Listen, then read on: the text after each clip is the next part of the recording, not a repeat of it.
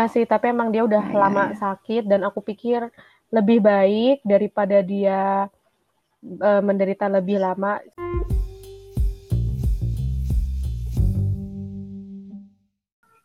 Halo teman-teman semuanya, kembali lagi bersama saya Asya dan rekan saya Gala. di podcast kesayangan kita Galasya Talk. Oke. Nah, Di hari ini em, saya dan Gala mau membawakan suatu materi yang masih relate dengan episode yang kedua kemarin. Yap. Hmm, kurang lebih seputar mengelaborasi gitu ya, cara kita sebagai orang introvert itu mengatasi atau menanggulangi stres, tapi di rumah aja gitu. Karena kan sekarang Hmm. kondisinya memang nggak bisa ke mana-mana, pemerintah juga mengatur seperti itu. Nggak Betul. usah betul, pemerintah deh, kadang di rumah kita sendiri aja Pak RT-nya, Pak RW-nya tuh udah Galak ya. woro-woro, udah galak, nggak boleh bepergian lebih apa jauh-jauh atau lebih Jauh-jauh. lama. Atau nggak pakai Gitu. masker ya kalau keluar kalau kadang-kadang ada anak main. ah, ya woro-woro di depan ibu-ibu gosip gitu pada nggak pakai masker ya itu juga Iya, bahaya kan iya sih, ya benar-benar paling dekat itu penggunaan masker sih, betul betul. banget. Oke Nah, oke mm-mm. Nah, tapi kalau ngomongin soal ah, ya masih kondisi yang nggak menentu ya, ibaratnya kalau eh, bulan-bulan pertama, kedua tahun 2021, yang harapan kita memang 2021 udah berkurang, udah berkurang. mm-mm. meledak lagi gitu kan, Iya, eh, ternyata, COVID-nya. yes. Ya, Mm-mm. dan sudah berapa lama kita terkurung ya Bu di rumah? Kalau versi saya, saya tanda kutip dikurung itu bulan Maret 2020. Oh Maret ya, oke sama sih berarti. Mm-mm. Ya, Mm-mm. hampir setahun ya berarti ya. Kan bulan depan udah Maret juga tuh. Oh my God, iya udah 12, hampir 12 bulan. Iya, iya Oh my betul. God. Nah, itulah dia teman-teman. Makanya di sini saya dan Gala pengen banget bahas salah satu materi yang mungkin orang lain Related ya. banyak, iya, nggak Ya, banyak, eh, nggak banyak eh, perhatikan atau karena ini mungkin terlalu low key. Ya meskipun memang di rumah aja, tapi nggak dipungkiri gitu ya eh, tantangan dari kantor, dari sekolah, dari kampus ya. itu kan membuat kalau juga. kalau kalau ngomongin soal di rumah aja yang tadi kita aktif berkegiatan di luar atau mungkin kalau untuk anak uh, apa namanya orang tua yang tadinya working mom misalnya Yes. bekerja Mm-mm. tahu udah tahu beres aja anak-anak sekolah pulang kerja ya udah udah selesai gitu kan. Totonya Oh, sekarang benar. harus juga work from home, eh Iya, juga ada PR, jadi double benar, Bu. kerjaan, stresnya juga makin dan uh, mungkin Makin. saat ini juga uh, kalau yang untuk hubungan suami istri kadang-kadang juga tatonya tadi udah beres aja Mm-mm. kelamaan terkurung di dalam rumah jadinya berantem. Oh iya, mungkin makin tinggi tingkat kekerasannya atau ya hal-hal seperti itu yang Mm-mm. mungkin menjadi isu-isu. Aduh ada yang ketawa tuh. Siapa tuh Ada sponsor kayaknya, Bu, yang lagi oh ketawa. halo Ya, begitulah teman-teman. Di sini kita juga punya sponsor. Sponsor yang baik hati suka menyediakan makanan gitu ya. oh ya terima kasih sponsor Terima kasih sponsor eh, hamba Allah gitu ya. Hamba Allah oke Um, siap betul juga sih Bu. Um, tadi kan aku masih masih ngomongin kalau kita itu yang eh, segmen penontonnya itu masih yang kuliah, masih kerja. Tapi Ibu tadi nambahin juga nih, bener juga kalau buat yang orang tua sudah sama-sama bekerja, bapak dan ibu, eh, suami istrinya sama-sama bekerja, kemudian ketika pulang itu lihat anak-anak masih banyak PR juga, jadinya kan double hmm job or triple job gitu kan. Oh, Iya, bahkan nggak benar. pulang, Bu. Eh, ba- baru bangun, anaknya udah online, kelas online, tatonya Oh, ada benar. kerjaan, ada meeting juga at the same time. Heeh, heeh. Jadi, aduh, pusing kan. Maksudnya itu, ah, Alah, makanya iya, ya iya. kesimpulannya tingkat stresnya makin makin meninggi nih gara-gara kita Mm-mm. dikurung di rumah Yes, gara-gara yes, benar. Oh my God, aku jadi Gitu. tambah apa ya, tambah melek nih gitu. Mungkin teman-teman eh, di rumah juga yang dengerin kita, ada kan yang selama ini mendengarkan kita usianya sama nih sepantaran kita, tapi ada juga mungkin yang orang tua jadi ikut apa ya mendengarkan terus iya bener juga mbak. Saya ngalamin banget kayak gitu. Nah ya. Ya ya ya benar benar. Yes yes ya that's why kenapa uh, ya mungkin kita sharing aja sih dari uh, personal opinion sama kira-kira yang sudah kita lakukan saat ini tuh apa aja sih? Oh iya. Uh, untuk kita sendiri pasti. ya, dari mulai dari kita dong. Kita iya. kan nggak mungkin ngasih tahu yang hal-hal yang nggak pernah kita lakukan gitu. Iya iya. Nah tapi kalau dari Bu Asya nih, sejauh ini untuk uh, di podcast sebelumnya episode sebelumnya kan memang kalau kita kelas balik sudah diinfokan uh, apa namanya melatih sensori gitu tentang megang-megang kucing atau yeah. tanaman. Uh -uh. ada juga sempat melakukan yoga gitu kan. Iya nah, benar. uh, mungkin boleh dari uh, Bu Asya boleh ceritain lebih dalam nih kayak kan itu kan menarik juga ya. Hal-hal uh, hal -hal yang memang saat ini pun uh, lagi work from home itu jadi booming juga sih. Hal-hal uh, yang apa ya lebih ke Buddhism dan lain-lain yang memang okay, benar. kita berfokus pada uh, uh, apa ya kontrol diri untuk mindful dan lain-lain. Mm -mm. Iya, betul sekali. Memang um, ajarannya Buddha itu salah satunya itu kan dari yoga itu ya. Sekarang betul, lagi betul lagi booming, lagi tren karena sebagai alternatif yang bisa dilakukan di rumah. Jadi buat teman-teman pendengar, ya, ya, uh, yang uh, suka Kak yang lebih praktis dan delalah ini tuh gratis bisa coba yoga gitu ya. Karena eh, nanti yang akan aku bantu perdalam di sini tuh memang yang benar-benar sudah aku lakukan sebagai uh, seorang pekerja kantoran usia 20 something. Something ya. Iya 20 something. Terus hmm, selam, uh, belum berkeluarga tapi sudah mulai merasakan ada demand dari uh, tempat kerja yang mulai meningkat gitu seiring setiap harinya gitu. Tapi juga pekerjaan di rumah harus sama-sama jalan gitu seperti kegiatan bebenah bebenah-benah, cuci, ngepel gitu. Hmm. Aku pikir yoga itu olahraga yang simple, tidak butuh banyak peralatan dan tidak keluar biaya banyak ya. Keluar biaya hanya untuk beli hmm, yoga mat terus dan kuota oh, kalau nggak ada iya, wifi. uh, kuota karena nanti instrukturnya kan dari YouTube nih. Jadi for your information uh. um, instrukturnya bukan instruktur orang kalau saya karena saya juga penggiat gratisan gitu ya. Dan platform pembelajaran banyak sekarang jadi bisa buka YouTube atau platform yang lain. Nah uh, waktu saya melakukan yoga ini biasanya pagi hari dan sebelum tidur nih uh, Bugala dan teman-teman sekalian. Hmm. Um, kurang lebih udah sekitar um, ya tiga bulanan, tiga bulanan, hmm. lima bulanan. Tapi lima bulanan itu masih belum seberapa teratur. Yang tiga bulanan ini udah lumayan agak disiplin gitu ya. Kan lama-lama hmm. waktunya jadi lebih teratur.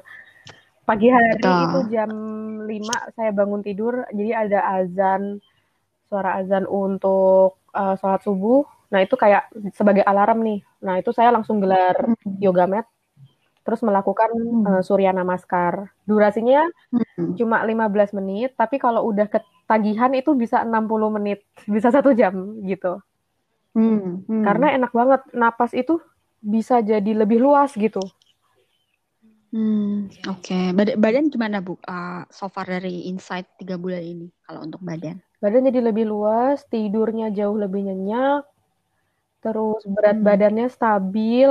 Kemarin itu turun loh 2 kilo. Wah, lumayan Bu. Itu mantep sih. Itu all in ya, ibarat sasetan kopi, three in one. Iya, badan, badan, badan, pikiran dan uh, ya tadi sih kalau untuk yang pengen weight loss itu nilai plus, mm -hmm. tapi nggak mungkin nggak terlalu seheboh puasa atau yeah, olahraga berat kali yeah, ya. Iya, nggak seheboh itu karena kan ini kita pakai napas terus juga pelan-pelan ya. Aku sih menekankan kalau aku udah mentok di gerakan lipatan yang ini atau asana yang step itu udah mentoknya segitu aku gak akan paksa.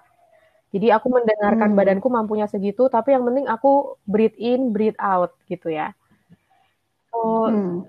awalnya yoga ini ya kayak nggak berkeringat gitu ya, tapi ternyata kalau aku hmm. giat banget dan dan gerakannya itu memang aku lakukan dengan benar, itu keringetan, Bu. Oh, benar-benar benar. Mm -hmm. Tapi kalau kadang-kadang kan kalau yoga ini kan uh, uh, apa namanya? Halo? Ya, saya masih di sini, Bu. Saya juga mendengarkan.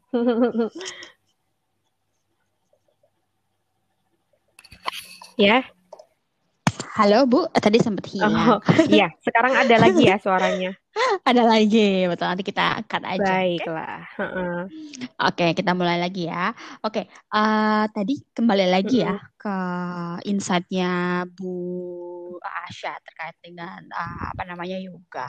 Nah, um, itu apa namanya Surya Namaskar ya Bu? Yes, ya? namanya Surya Namaskar. Nama gerakannya. Ibu, uh, Oke.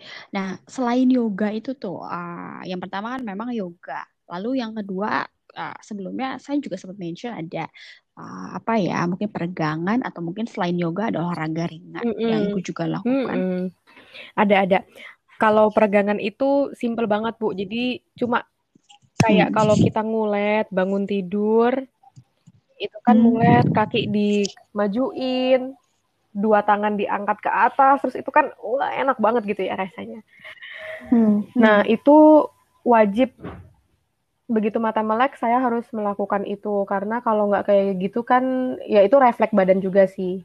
Dan itu hmm. pertama-tama sebelum yoga itu memang harus peregangan itu. Dan selain peregangan yang dari bangun tidur ini peregangan juga bisa dilakukan kalau ketika bekerja itu ini badan udah kaku, tengkuk itu udah dari tadi posisinya posisi tegang gitu. Nah, itu harus jalan-jalan ke taman, lihat kucing atau naik tangga, hmm. lihat jemuran atau gimana gitu kan. Hmm. Karena ini kan konteksnya kita di rumah. Jadi apa pun segala cara kita harus berpindah. Jadi jangan hanya ada di satu tempat gitu. Usahakan nanti pindah hmm. meja belajarnya. Nanti ini kan meja belajar saya juga kebetulan yang portable. Ini bisa dicoba juga nih buat teman-teman pendengar. Hmm. Uh, pindah-pindah lokasi meja belajar. Nah itu supaya lebih kreatif dan apa ya ganti ganti suasana baru memang. Mm -mm. Intinya hmm. tadi itu as a part of peregangan. Jadi sesimpel kita ngulet-ngulet, habis itu jalan-jalan, pokoknya jangan sampai tegang terlalu lama gitu dan usahain memang melakukan perpindahan tempat sering-sering di rumah gitu. Makanya rumah ini baiknya juga harus sering dibersihkan, maksudnya dikurang-kurangin gitu loh barang-barangnya. Jadi kita mau kerja di sana sini eh. itu enak, Bu. Ya, ya. Paling itu sih kalau okay. peregangan. Hmm, oke oke oke. Nah, itu kan lebih kepada, uh, apa ya, mungkin uh, kalau dibilang olahraga itu bisa nggak ya, Bu? Uh, yoga itu iyalah itu Yoga olahraga iya ya. olahraga. Uh, ya, karena kan kalau di kalau nge-gym itu kan yoga juga jadi salah satu opsi. Iya. tapi memang untuk yang lebih ke fixed movement ya, nggak terlalu heboh, heboh. gitu. Ya ya. Nah Uh, tapi kalau ngomongin ini kita ngomongin Bu Asya dulu ya, uh, apa yang sudah dilakukan selama uh, hampir setahun ini di rumah dan meridus uh, kalau dibilangin yang menghilangkan tuh menurut saya sih hilang. Enggak, mungkin ya karena kan pasti uh, dalam kondisi seperti itu seperti uh, bukan seperti itu mm -hmm. seperti ini covid ini pandemi stres itu adalah hal yeah, wajar yeah. gitu. ibaratnya bagian cara tubuh untuk ya mengalert uh, diri eh kita kita lagi nggak baik-baik aja yeah, loh. Uh. Nah, tapi gimana caranya kita supaya meridus atau memaintain itu sih. Nah, tapi kalau dari Bu Asya, uh, tadi ya, berarti yoga, surya mm -hmm. namaskar, itu uh, boleh dikasih tahu nggak sih Bu, uh, kalau bagi teman-teman yang pengen uh, follow atau melakukan menerapkan hal ini mm -hmm. di rumah, itu siapa sih ya? Mungkin uh, saran dari mm -hmm. Bu Asya yang bisa yeah. follow atau bisa diikuti. Mm -hmm. Jadi aku punya um, tiga orang ya sebagai referensi gitu untuk teman-teman. Tiga orang ini ada di Instagram. Um, mereka nggak hmm. hanya melakukan surya namaskar sih, jadi ada beberapa jenis gerakan yoga yang lain dan tipe yoga. Jadi yoga itu ada okay. macam-macam tipenya gitu bu. Cuma aku sih hmm. karena masih pemula dan uh, badanku nggak masih belum lentur-lentur banget, aku sih sarankan Surya Namaskar aja. Surya Namaskar itu seingatku ada uh, 12 12 gerakan. 12 gerakan ini kita hmm. ulang-ulang hmm. terus. Nah, itu lama kelamaan kita akan hmm. berkeringat banyak apa terus habis itu lumayan menghilangkan menghilangkan banyak apa kalori. Tapi tidak menutup hmm. juga um, memfollow uh, yoga practitioner di Instagram ini juga akan helpful. Contohnya bisa follow Jelena Vesik. Jadi tulisannya J E L E N A spasi V E S I C. Terus ada juga hmm. suaminya itu namanya David hmm. Robson. Itu di ya biasa ya David hmm. biasa R O B S O N itu hmm. mereka sekarang tinggal di Toronto US. Nah, mereka punya hmm. akun Instagram masing-masing tapi um, kalau nggak salah ada juga yang akun Instagram bersama gitu. Jadi mereka berdua collab. Ya, at least pendengar hmm. bisa follow salah satunya aja. Kalau aku sih lebih seneng follow suaminya ya, bukan karena dia laki, tapi karena um, caranya si David Robson ini ngajarin itu membuat kita uh, tahu celah celah-celah kita suka salah melakukan gerakan, tapi juga ternyata oh, dia tuh okay. ngajarinnya tuh senyum gitu loh, pakai guyon. Jadi ini tuh gampang loh, bisa kalau kita konsisten. Jadi kuncinya itu konsisten, biar lama-lama lentur badannya. Itu yang versi hmm. interlokal. Nah, versi lokalnya itu ada orang Indonesia namanya Denny Suryawijaya. Hmm. D E N N Y hmm. okay. Suryawijaya biasa. Nah, hmm. ini hmm. dia juga sering collab sama istrinya. Istrinya juga punya akun Instagram, tapi aku lagi-lagi lebih seneng diajarin sama lakinya. Lakinya ya, gitu. Karena tepat dia tuh ngajarinnya dari sisi-sisi apa hmm. uh, cocok ya. Apa sudutnya, terus kemiringannya, terus celah-celah kita salah di mana itu dia ngasih tahu juga. Dan supaya nggak bosen hmm. yoga melulu, yoga itu kan cenderung pelan, monoton. Mungkin untuk orang yang gerubak-gerubuk hmm. itu nggak seberapa cocok. Nah, bisa lari ke YouTube nih. Di YouTube itu kan durasinya bisa dicari hmm. yang 30 menit, satu jam, uh, or dua jam gitu ya. Uh, aku subscribe channelnya Squad Fitness supaya variatif gitu, Bu. Hmm, Terus okay, ada satu okay. lagi. Berarti nggak cuma dari IG, mm -mm. dari YouTube. Betul betul titip satu lagi yang um, channel YouTube-nya Pen Yoga Star. Oh, Pen Yoga. Dia oh, terkenal. itu udah terkenal ya, hmm. Pen Yoga Star. Ya. Oke. Okay, Paling itu okay. aja. Siap-siap. Oke, okay, berarti tadi yoga, jogging, lalu peregangan ya sebagai memang di awal ya supaya uh, badannya nggak kaget. Gitu. Nah, uh, lalu kucing. oh iya. Ya, nah uh, terus berduka ya untuk kucing iya, yang kemarin ya, pada saat kita tapping uh, berpulang. uh, pas gitu. sorenya sih, tapi emang dia udah nah, lama ya. sakit dan aku pikir lebih baik daripada dia uh, menderita lebih lama. Sebetulnya dia ada harapan hidup sih, cuma pas uh. di sakratul maut itu dia memang udah nggak mau makan dan kayaknya dia tahu nih aku nggak bakal lama, jadi hmm ya yeah, it's, it's my time, time gitu dan ya. aku melepaskan gitu aja sih jadi aku juga nggak mau memaksakan udah ikhlas, ikhlas ya. sekarang gitu betul betul ya. Oke, oke.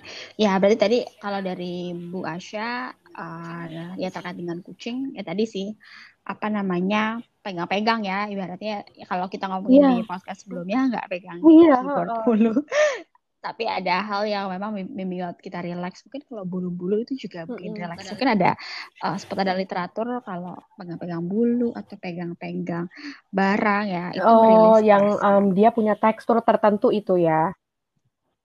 Ya tekstur hmm. betul Ya, oke. Okay. Nah, uh, lalu apalagi nih Bu Asya sejauh ini ya? Tadi udah yoga, udah kucing, hmm. apa lalu ada nggak maksudnya yang lebih kepada social? Ada juga Bu. Jadi meskipun saya dan mungkin teman-teman pendengar ini juga um, adalah pribadi-pribadi introvert, tapi kita juga tetap butuh bersosialisasi. So we need people. Jadi okay. dengan cara um, aku menghubungi teman-temanku gitu ya, yang inner circle tapi hmm. teman banyak, hmm. inner circle itu ya tidak banyak gitu kan. Um, aku akan menghubungi okay. teman-teman inner circle. Biasanya mereka itu yang sudah berteman sama aku dari SD or SMP gitu ya. Dan kita masih berhubungan sampai sekarang dan juga punya visi misi yang sama cocok gitu ya that's why kita bisa tetap align gitu sampai sekarang nah itu biasanya aku akan hubungi mereka terus um, aku call gitu ngobrol yuk gitu-gitu karena kan hmm. ketemuan udah pasti nggak hmm. boleh nggak bisa gitu kan dibatasin kan udah call aja yeah. mereka gitu jadi yeah. aku bisa marah aku bisa yeah. uh, apa istilahnya orang Jawa itu sambat gitu ya sama mereka gitu. Karena nanti mereka biasanya akan hmm. jadi penetralisir gitu. Karena mungkin gini loh kayak kita itu cenderung sama nih. Uh, nanti hmm. ketika aku ada di kutub negatif dia akan jadi yang positifnya gitu. Oh, nah uh, ya. selama ini sih puji Tuhan ketemu teman-teman yang kayak gitu di inner circle. Makanya caranya dengan menghubungi mereka gitu sih in terms of socializing ya. Ya, eh, karena at the end kita tetap uh, at the end, ya. sosial ya. Uh, ya at the end kan walaupun ya intro ada label-label tertentu ya memang ini introvert ini extroversion tapi at the end ya kita juga butuh yeah, orang ya gitu. Hmm, oke oke. Sip kalau gitu. Oke oke oke oke. Nah, uh, kalau sejauh ini dari Bu Asya itu aja kah dari maksudnya uh, tips and trick mm -hmm. dari sisi Bu Asya untuk selama setahun ini dan mungkin di tahun atau di bulan-bulan ke depannya yang kita masih yeah. penjara di rumah. itu yang bisa diberikan lah atau bisa dicoba mm -hmm. untuk teman-teman yang sejauh ini itu itu saja tadi uh, empat hmm. item tadi karena aku pikir hal yang paling dekat, paling mudah, paling murah juga gitu ya. Dan paling bermanfaat hmm. dan kalau kita mau, kita pasti bisa, itu bisa jadi habit yang baru gitu. Paling titip ada satu hmm. hal lagi sih hmm. um, yang aku akan put hmm. adalah uh, biasakan juga menulis gitu, journaling gitu. Hmm. Hmm. Oh ya ya betul, betul. Ya kalau journaling itu nggak harus pakai buku diary yang fancy, yang lucu gitu, tapi bisa juga hmm. ambil buku tulis biasa aja. Yang penting halamannya bersih, kita bisa nulis panjang-panjang. Itu fungsinya tuh untuk aku memproses informasi nih yang masuk, yang masuk yang aku terima, terus hmm. um, apa ya, memilah-milah gitu loh. Jadi aku kayak berkaca sama diriku sendiri gitu. Hmm. Mm -mm. Lebih kayak okay. gitu. Sama juga sih fungsinya menulis itu siap, kayak siap. waktu aku call a friend gitu. Karena kan uh, sebagai hmm. teman yang baik di ujung sana mereka itu biasanya dan selalu itu mengingatkan, mereminder toh. Jadi nggak hanya sebagai cermin, tapi sebagai orang yang menarik dari kolam yang keruh gitu loh istilahnya. Iya, sangat-sangat membantu. Oke, okay, oke. Okay. Begitu aja siap, kali. Siap. Oke, okay, journaling ya, berarti menulis uh, itu nggak ada matinya lah ya ibaratnya uh, uh. ada teknologi saat ini uh, apa ya mengeluarkan unek-unek atau yeah. memberikan energi kita full hmm, ke tangan kita apa pun di kertas mau iya. diapain yeah. kayak mau dibakar atau mau ditambahin stiker-stiker uh, uh. lah atau mau taruh apa ya dia yeah. kita ada rasa lega, puas lega gitu kan, namanya. atau rasa lega. Mungkin kamu juga hmm. akan apa bukan akan uh, merasa menulis itu tadi kamu bilang nggak ada matinya gitu. Apa mungkin uh, untuk hmm. sisinya hmm. Gala sendiri memang merasa menulis itu salah satu cara untuk distress? Gimana kalau menurut Gala? Ah, kalau setahun ini ya, apakah, apakah hanya menulis, menulis aja, aja gitu? atau, atau pasti ada yang lain lah? Gitu. Oke. Oke, oke. Nah, kalau saya sih Bu, uh, adalah pertama mungkin kalau di podcast sebelumnya sempat mention bahwa lagi pengen untuk uh, apa ya memperluas ilmu, memperluas skills gitu ibaratnya. Nah, kebetulan saya seperti oh, Ibu Asya ya senang gratisan. ya kalau Ibu Asya kan gratisnya kan dari iya. YouTube ya. Itu juga salah satu dari saya sih pengen YouTube. Kalau ada apa ya kita ngeliatnya di YouTube. Tapi kebetulan saya dap suka dapet link-link uh, apa namanya oh, course-course gratis bu gitu. Kemarin itu sempat di-share sama Bu Asya kan. Ada course gratis, Ah, lalu ada buku itu. gratis. Jadi ya mungkin uh, Alam Iya, tahu ya kalau iya, akses gratisan. Jadi ya Iya, dan aksesnya gampang heeh, gitu. Nah, akhirnya akhirnya mm, ya, ya tadi sih. Ya, dan akhirnya ya tadi sih uh, mencoba untuk uh, lihat sih item-item gratisan di Coursera ini. Karena yang saya dapat adalah yang pertama Coursera, yang Mm-mm. kedua adalah Future Step. Itu dua uh, Nah, bagi teman-teman yang mungkin ya, mau mengalokasikan stres. Kalau Ibu Asya kan lebih pada uh, apa ya? um, lebih ke apa ya, ya, Terapeutik terapeutik. lah ibaratnya gitu kan. Dengan yoga, dengan olahraga, lalu dengan menulis. Nah, kalau saya lebih kepada uh, res- reskilling, Upskilling. reskilling apa ya? Ya tadi pokoknya lah uh, upskilling betul. Nah, jadilah saya melihat-lihat item-item yang gratisan itu dan memang saya menjalani uh, course online sejauh ini sih uh, kalau stres itu kan ada beberapa hal-hal Oh ya, negatif ya, ya pasti, mungkin Bu. kepikiran, overthinking, Heeh, bener uh, banget. betul kan? Nah, hal-hal tersebut itu akhirnya saya alihkan dengan berpikir kembali gitu. Jadi berpikir negatif di replace dengan Yang berpikir hal bermanfaat, yang yang lain gitu. Nah, mengembangkan yang otak gitu ya, bermanfaat, Bu. betul.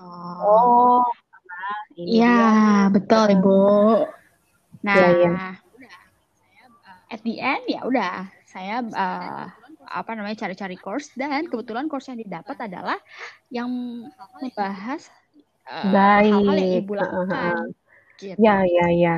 Yes. Nah, yang pertama adalah soal uh, mindfulness.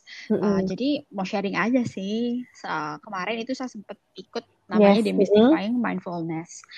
Nah, itu uh, orang yang melakukan atau orang yang uh, pakar dalam bidang ini yaitu Profesor Chris Goto Jones Yes. itu dari Leiden University. Uh, beliau memang memberikan Mm-mm. informasi agak deep sih Bu. Kalau Yes. kan lebih ke praktikal ya.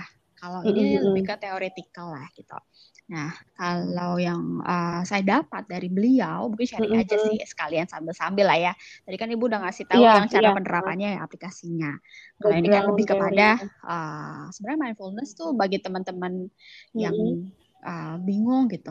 Apa uh, mungkin kalau di luar Iya, sana itu kayaknya keren banget ya heeh. mindfulness gila.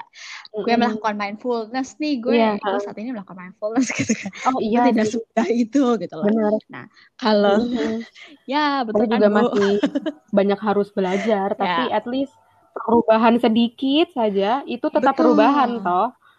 Yes. Heeh. Yes, yes, yes. Yes. Nah, at the end, uh, sebenarnya menurut saya sih Bu, uh, hal yang dilakukan berarti mindfulness, Mm-mm. lalu yoga, dan tambahan kalau saya saat ini Mau juga, itu Bu. bahas Karena saya belum itu Uh, nambahin tadi. Belum yes, ada itu adalah bahas apa? meditasi, iya. Oh, ya belum ada ya? Mm-mm. Ah, iya iya. Nah, tiga hal itu kan memang related dan akarnya itu adalah dari Nah, Buddhism iya. praktis lah Mm-mm, mm-mm. ibaratnya. Gitu kan, Bu. Ya, tapi banyak mungkin uh, teman-teman yang di yang dengerin saat ini banyak yang takut, loh, uh, kayaknya kalau kita melakukan hal-hal itu tuh oh, itu kayak kita kayak Oh, percaya dengan ajaran-ajaran Mm-mm. Buddha deh, gitu kan. Itu kan Ya, ada race ada race issue. issue lagi ya, Bu. Maksudnya kita uh, memberikan info uh, kita melakukan ini, melakukan ini, tapi teman-teman sendiri mikirnya kayak kayaknya nggak Mm-mm. uh, itu ajaran Buddha Iya, deh. Kayaknya kita nggak boleh melakukan hal itu deh. Ibaratnya kalau kita betul. Itu fenomena yang ada sih. percaya gitu kan. Itu kan sebenarnya sih enggak. Ya, tapi at the end ah sebenarnya mungkin saya pengen meluruskan bahwa uh, yang saya pelajari dari uh, Mm-mm. short course yang nggak seberapa ini gitu ibaratnya yang uh, yang saya dapatkan insight-nya adalah sebenarnya uh, mindfulness, Mm-mm. yoga dan meditasi itu memang Mm-mm. roots-nya dari Buddha, tapi yang Mm-mm. memang sudah diaplikasikan saat ini itu Oh, bukan yang sekuler gitu. Kalau yang sekuler itu kan uh, yang dari budaya langsung uh, cara duduknya oh itu ya. kita benar-benar nggak boleh asal gitu kan. Uh, cara duduknya Oh, seperti apa, oke. tegaknya berapa derajat Oh, lah, edan lalu ya. harus ada dupa yang memang Ya itu kan yang sekuler Bu gitu. Tapi yang memang kita uh, jalani saat ini dan yang memang kita anjurkan kepada teman-teman di rumah itu yang Iya. lebih uh, modern gitu memang yang sudah di uh, Iya. ibaratnya Diakulturasi. di, Iya, di, rekonstruksi. di rekonstruksi lagi lah ya betul diakulturasi dengan uh, apa namanya Mm-mm, mm-mm. modern lifestyle gitulah ibu nah dan sudah juga diakulturasi dan diaplikasikan dengan uh, apa namanya Nah, terapi kognitif bu Ini btw bagus nih. Bagusnya kenapa? Karena em, saya gitu ya, dan mungkin beberapa pendengar yang suka apa yang suka menggiati yang berbau-bau psikologi atau alumni psikologi itu kan udah banyak yang lupa yes gitu ya. Iya gitu. udah sampai enak kali ya bisa disentil sedikit kali, Bu ya Gala. ya ya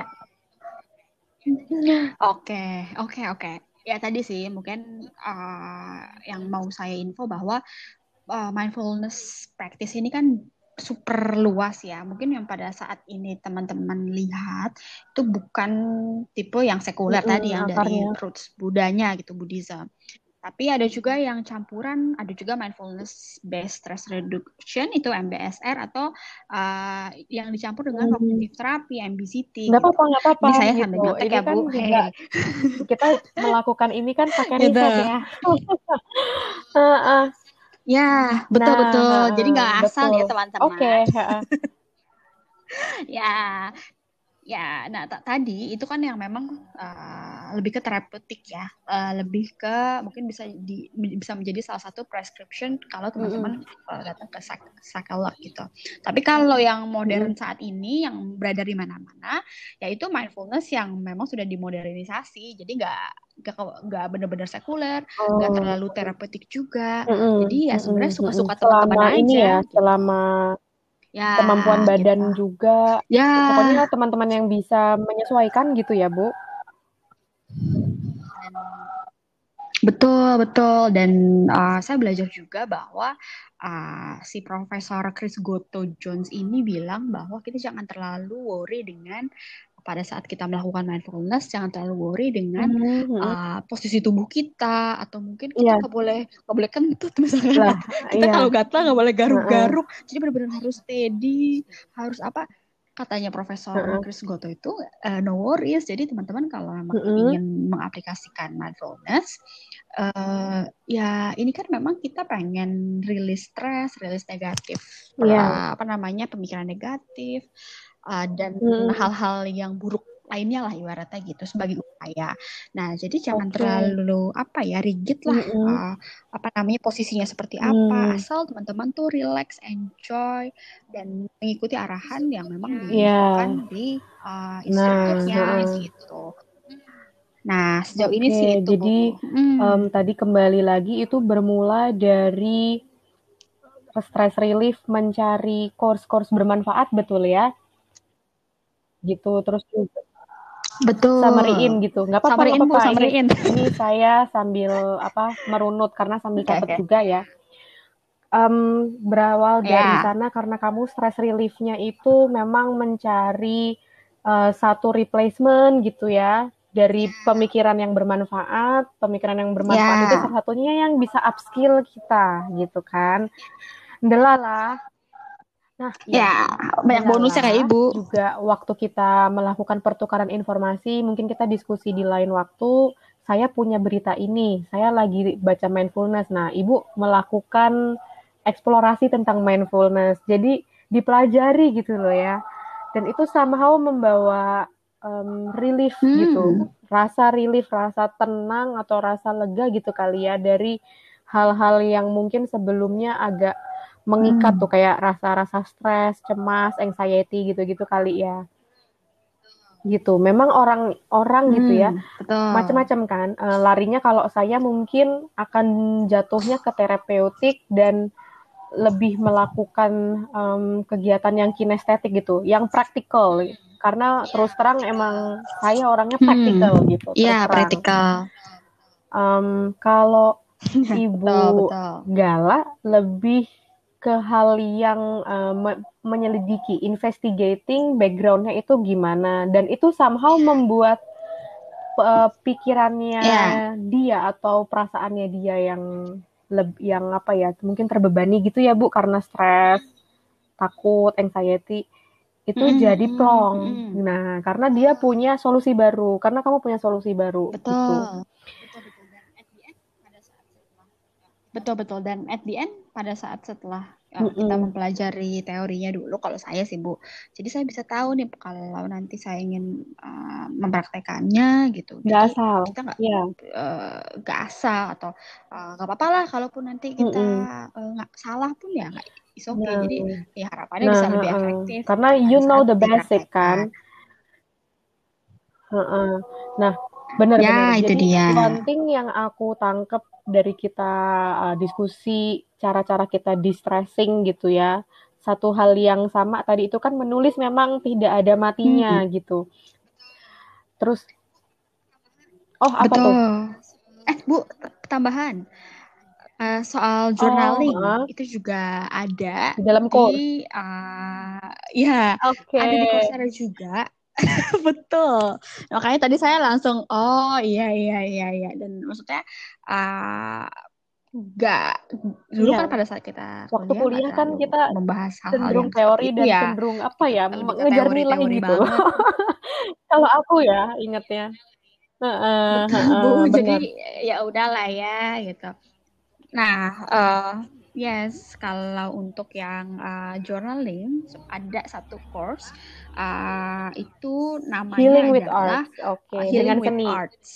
Nah, Healing with Arts Heeh. itu dari University of Florida.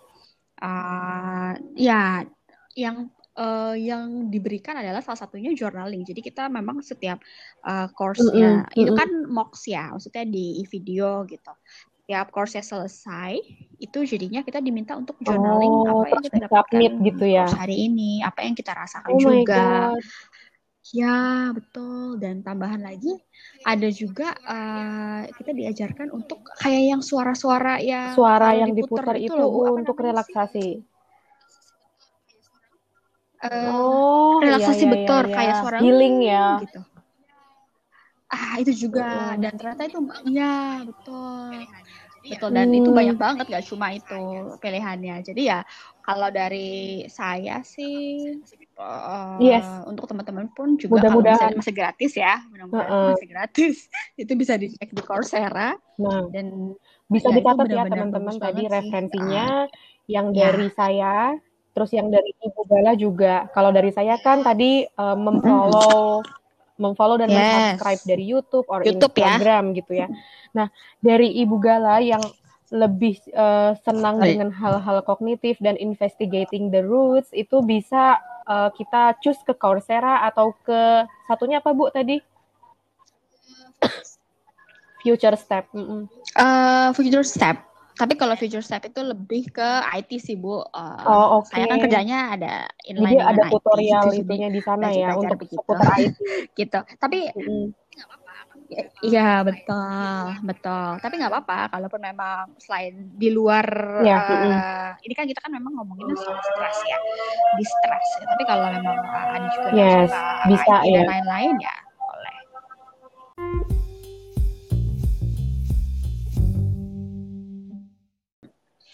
Oke, oke. eh, kembali lagi tadi kita kan Yes, memang sudah ada eh, azan ya.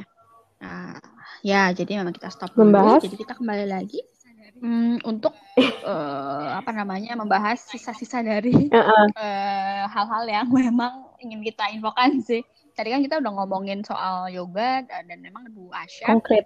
lebih kepada yang terapeutik dan Mm-mm. eh, apa ya application-nya ya ibaratnya konkret betul. Kalau saya kan lebih kepada theoretical dulu, cari tahu dulu eh, untuk ya tadi Yes. mindahin fokus eh, kita dari yang net netting, overthinking, eh, belajar-belajar eh, untuk upskilling, baru kita eh, coba untuk aplikasikan gitu. Tapi ada satu hal lagi sih yang Mm-mm. memang eh, ada kesamaan lah ibaratnya antara nggak tahu sih Merasa, kalau saya sih melakukannya saya merasa heeh. satu hal ini me- memang eh, saat ini lagi booming memang, tapi eh, bagus juga kar- untuk diaplikasikan di COVID eh, era ini dan memang diaplikasikan untuk Oh, kondisi wow. keuangan Oke, kita oke. yang saat Ini ini kalau gitu kondisi ibaratnya. keuangan biasanya matanya pada hijau nih, Bu.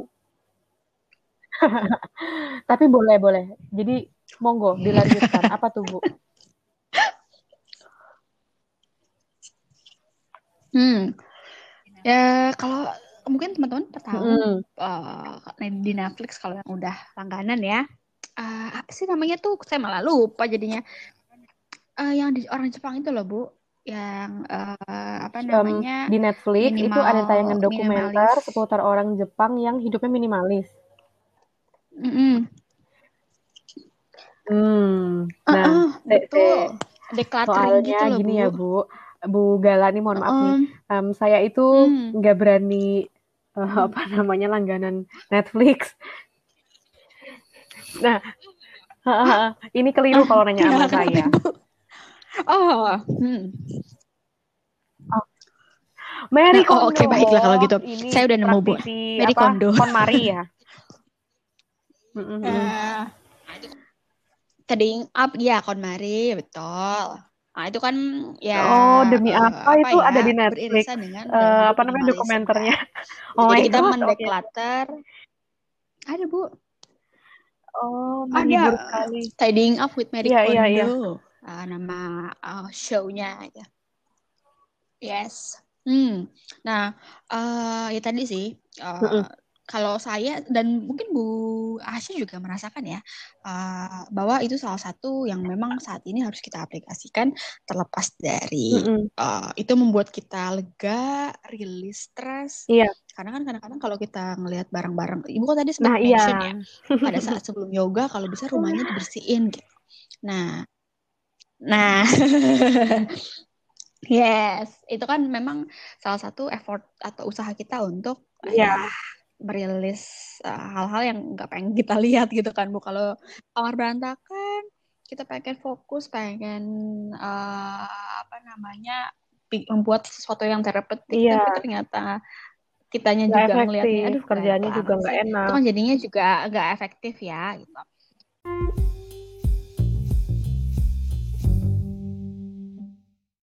Oke teman-teman, tadi ada azan lagi, jadi memang kita lanjut lagi ya. Mm-mm. Kalau gitu, eh, tadi yang ngomongin soal minimalism gitu. Kalau Bu Asy setuju nggak sih kalau memang itu harus ya kita aplikasikan saat ini sebagai Effort. cara-cara tam- terapeut bukan Ya, terapeutik sih apa ya, itu effort sih atau minimalism lifestyle baru yang gitu. mengarah ke bebenah rumah dan mengurangi benda-benda yang tidak terpakai atau decluttering gitu ya istilahnya. Em, dia tidak terapeutik tapi Betul. cukup menyita tenaga. Cuma nanti kalau sudah selesai kita akan jauh lebih produktif sih. Jadi aku mau bilang setuju.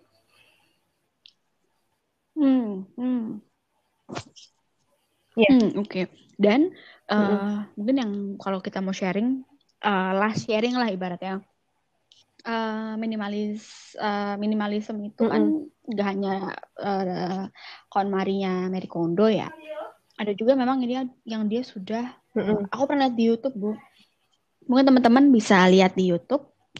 Eh, untuk di YouTube itu ada Oh. orang yang mengaplikasikan minimalism benar-benar agak ekstrem gitu. Jadi eh, bajunya Iya. itu hanya dia cuma punya mungkin lima baju. Eh, celananya juga cuma lima, mungkin celana dalam berapa gitu. minimalism Pokoknya ya. bener-bener eh, dia lihat yang perlu aja, ya betul. Oh, Dan bener-bener rumahnya itu kosong lantai. Jadi eh, dia Oh, lebih prefer oh, untuk ha, tidur ha. di Ini orang Jepang cewek bukan di sih? bawah. Betul, Rambutnya dikuncir, betul. terus tipe Iya bajunya cewek itu betul Bu. baju-baju dress Nah gitu. lihat ya? Iya betul. Kainnya juga dari kain yang Basic. sustainability Iya gitu betul deh baju-baju basic pokoknya. tapi ya. Aduh, siapa sih namanya? Ya betul betul betul.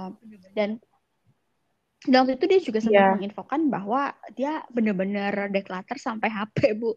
Jadi iya, eh, luar aplikasi biasa. yang dia install itu benar-benar yang Heeh. necessary aja. Jadi dia nggak mau terlalu pusing dengan hal-hal yang aneh-aneh gitu.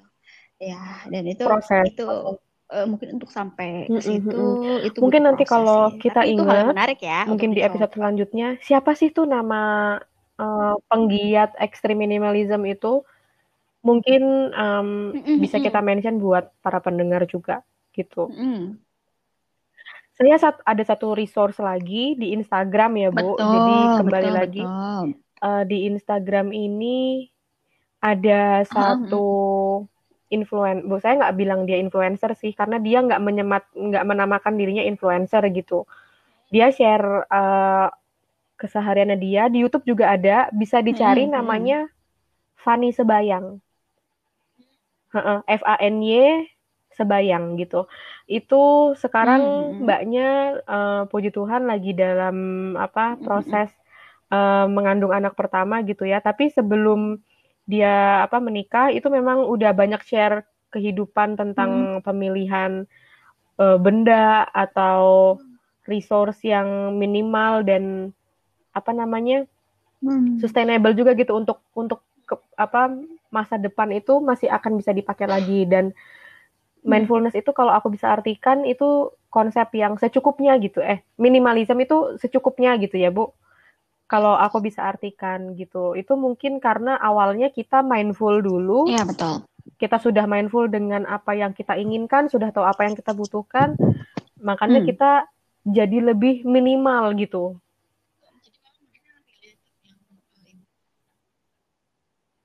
Highlight jadi memang mereka related yang uh, ibu uh, mm -hmm. apa ya namanya ya yang bukan ibu sih maksudnya yang tidak iya sih. kita highlight pemikiran um, kita ya memang awalnya yes. itu dari mindfulness ya. ya pemikiran kita yang ada kita miliki di dalam otak persepsi kita setelah persepsi baru ya kita untuk maintainnya adalah dengan cara meditasi dan yoga dan untuk yang yeah. uh, mungkin lingkungan dan related ya kita, jadi itu lebih memang uh, cara kita distressing decluttering itu memang kalau akarnya sudah mindful otomatis ke sana-sananya itu gampang dan malah cenderung nanti kita tahu apa yang betul-betul kita butuhkan jatuhnya jadi minimalism life gitu ya mm lifestyle betul. minimal lifestyle gitu betul itu lifestyle ya dari kita Oke oke. Okay. Nah sejauh ini sih dari kita, uh, dari uh, saya dan Ibu yeah. Asya, itu yang yang kita lakukan selama setahun memang itu. Dan kalau teman-teman mungkin sejauh ini uh, merasa bahwa eh kayaknya mm, pengen yeah. tahu lebih dalam nih soal minimalisme lah atau tentang yoga yang ibu lakukan. Mm, itu, boleh di follow ya, berarti. sih. Kita uh, baru buat Instagram. Mm. seadanya ya. Ya boleh di follow di at uh, galashopok disambung. Uh, galasha talk biasa nggak pakai tanda seru dan lain-lain. Nanti mungkin ya benar disambung semua nggak ada tanda-tanda lainnya. Pokoknya at Galasha talk. Uh, nanti mungkin bisa komen eh uh, kak atau sis gitu. Kira-kira dari sebelumnya benar, kita penasaran Jadi kita welcome banget uh, memfasilitasi apabila gitu ada pendengar yang um, notice gitu kalau kita expanding um, apa namanya our publication ke Instagram juga karena lebih mudah di reach out juga ya gitu. Kalau Anchor ini kan uh, masih linking ke Spotify juga. Spotify Betul. yang apa sih? Yes, jadi mungkin Spotify, visibility-nya lebih podcast, kelihatan. Google Please podcast. gitu ya kalau uh, misalnya ada feedback atau ada titipan Betul. info atau bahan yang perlu kita diskusikan bisa loh jadi bisa untuk um, feedback yang lebih fresh gitu untuk episode-episode selanjutnya paling kurang lebih itu aja sih kalau dari kami berdua hmm. oke okay. oke okay. paling uh, oke okay. setelah ini siap Oke, okay, paling uh, setelah ini uh, mungkin yes, kita akan banget. ada episode-episode berikutnya ya tadi feel free untuk teman-teman uh, reach out kira-kira topik apa uh, dan mm-hmm. dari saya uh, Gala dan uh, Sis Asha pamit undur diri sih. Dan uh, semoga teman-teman sehat selalu dalam kondisi See you, keep dan and Bye. See you next time. See you on the next episode.